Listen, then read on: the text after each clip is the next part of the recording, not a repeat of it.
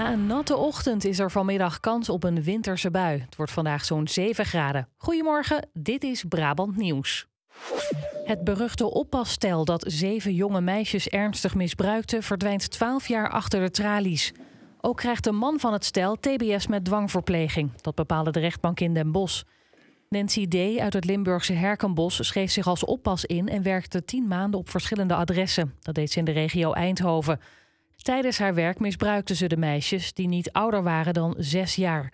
Haar partner Peter S. keek mee via een videoverbinding en gaf de vrouw opdrachten. Verdachten zijn op een respectloze manier met de kinderen omgegaan en lijken zich op geen enkel moment rekenschap te hebben gegeven van de gevolgen van dit alles voor de kinderen op latere leeftijd.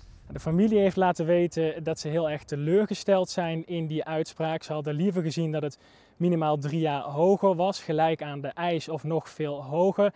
Ik denk dat we allemaal wel voelen dat ouders, uh, ja, voor ouders geen, geen straf hoog genoeg is voor, uh, voor wat er met hun kind is gebeurd. Hoe is het nu met uh, ja, de verschillende ouders? Is daar iets over te zeggen? Nou ja, zeker. De impact is, is denk ik onverminderd groot. En ja, op zo'n dag van vandaag komt dat natuurlijk weer in alle heftigheid terug. Hulpdiensten hebben gisteravond in het water bij Waalwijk gezocht naar een verdwenen man. Voorbijgangers hadden de man gezien. Hij gedroeg zich raar. Even later was hij spoorloos, mogelijk omdat hij het water in was gegaan. De zoektocht leverde niets op en is rond middernacht gestaakt. Een student van het Koning Willem I College in Den Bosch heeft gistermiddag een nepvuurwapen ingeleverd bij een medewerker van de school. Mogelijk ging het om het wapen waardoor de locatie aan de Weidonklaan afgesloten werd door politie. De politie had de school ochtends omsingeld na een melding van een vuurwapen. Deze twee auto's hebben een flinke klap gemaakt. Ze botsten gisteravond tegen elkaar op de Karel de Grote Laan in Eindhoven. Eén persoon is in de ambulance nagekeken. De auto's raakten zwaar beschadigd. Het dodelijke slachtoffer van het zware ongeluk in Oefeld is een 74-jarige man uit Demen. De bestuurder van een andere auto, een 58-jarige man uit Gennep, is aangehouden als verdachte. Wat er precies is gebeurd is nog niet duidelijk. Drie auto's en twee vrachtwagens waren betrokken bij het ongeluk. De auto van het slachtoffer kwam in de berm onder een vrachtauto terecht. De jeugdcriminaliteit is de afgelopen vijf jaar in Brabant nauwelijks gestegen.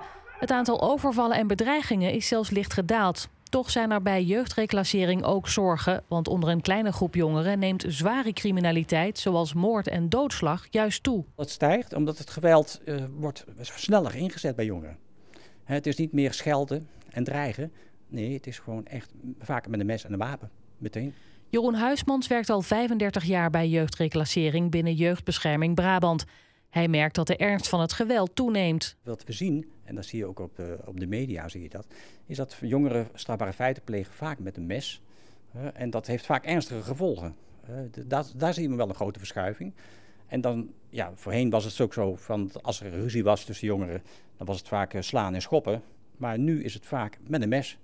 En dan zijn de gevolgen mogelijk fataler. Huismans pleit daarom voor een messenverbod. En na het uitzitten van hun straf moeten de jongeren zo snel mogelijk terug het rechte pad op worden geleid. En dit schrijven andere media vandaag. Het kabinet moet overwegen een speciale belasting te heffen op vlees en zuivel. Zo moeten consumenten worden verleid meer plantaardige producten te eten. Dat is een van de adviezen van een speciale klimaatcommissie aan het kabinet. Verschillende dierenhulporganisaties gaan aangifte doen tegen studenten van Vindicat. Zij hadden als grap ganzen gekocht om de kamers van hun eerstejaars huisgenoten om te toveren tot kinderboerderij. Volgens de organisaties hadden de dieren er enorm veel stress en angst van. Ze hopen dat de studenten hiervoor gestraft worden. En de bedenker van de Fosbury Flop is overleden. Dick Fosbury zette het hoogspringen op zijn kop. De Amerikaan was in zijn jonge jaren geen bijzonder talent, maar zijn onorthodoxe manier van springen gaf hem een voordeel boven zijn concurrenten. Op de Olympische Spelen van 68 haalde hij goud. In de jaren daarna gingen andere springers ook over op de Fosbury Flop. Dick Fosbury is 76 jaar geworden. Stel je voor dat je na 77 jaar er ineens achter komt dat je een halfzus hebt. Dat overkwam Annie Eipelaar uit Drunen. Onwerkelijk. Ja, ja, onwerkelijk van hoe kan dit nou? Na zoveel jaren, dat ik er bijna aan het eindje ben, dan krijg je nog een zus bij je. Ja, mijn neef en ik zitten elkaar altijd een beetje te dollen. Op een gegeven moment hadden we het grapje eh, dat mijn opa een held was en die van hem niet. Ja, toen was ik jarig. En toen gaf Sander mij een, een DNA-test om te kijken of ik, uh, of ik die held dan kon vinden. Hij slaat in als een bom, kan ik wel zeggen. Maar dan in de goede zin antwoord natuurlijk. Toen de tijd ben ik zelf ook wel eens begonnen met, met zoeken. Ja, die man is natuurlijk al lang dood. Want die, ja, er zouden over de honderd moeten zijn. Maar ja, misschien zijn er ook nog kinderen of, uh, ja, weet je ook niet. En God weet wat hij meer gestrooid heeft. ja, dat kan toch. En dit was het voor nu. Meer nieuws op onze site en in de app. Een fijne dag.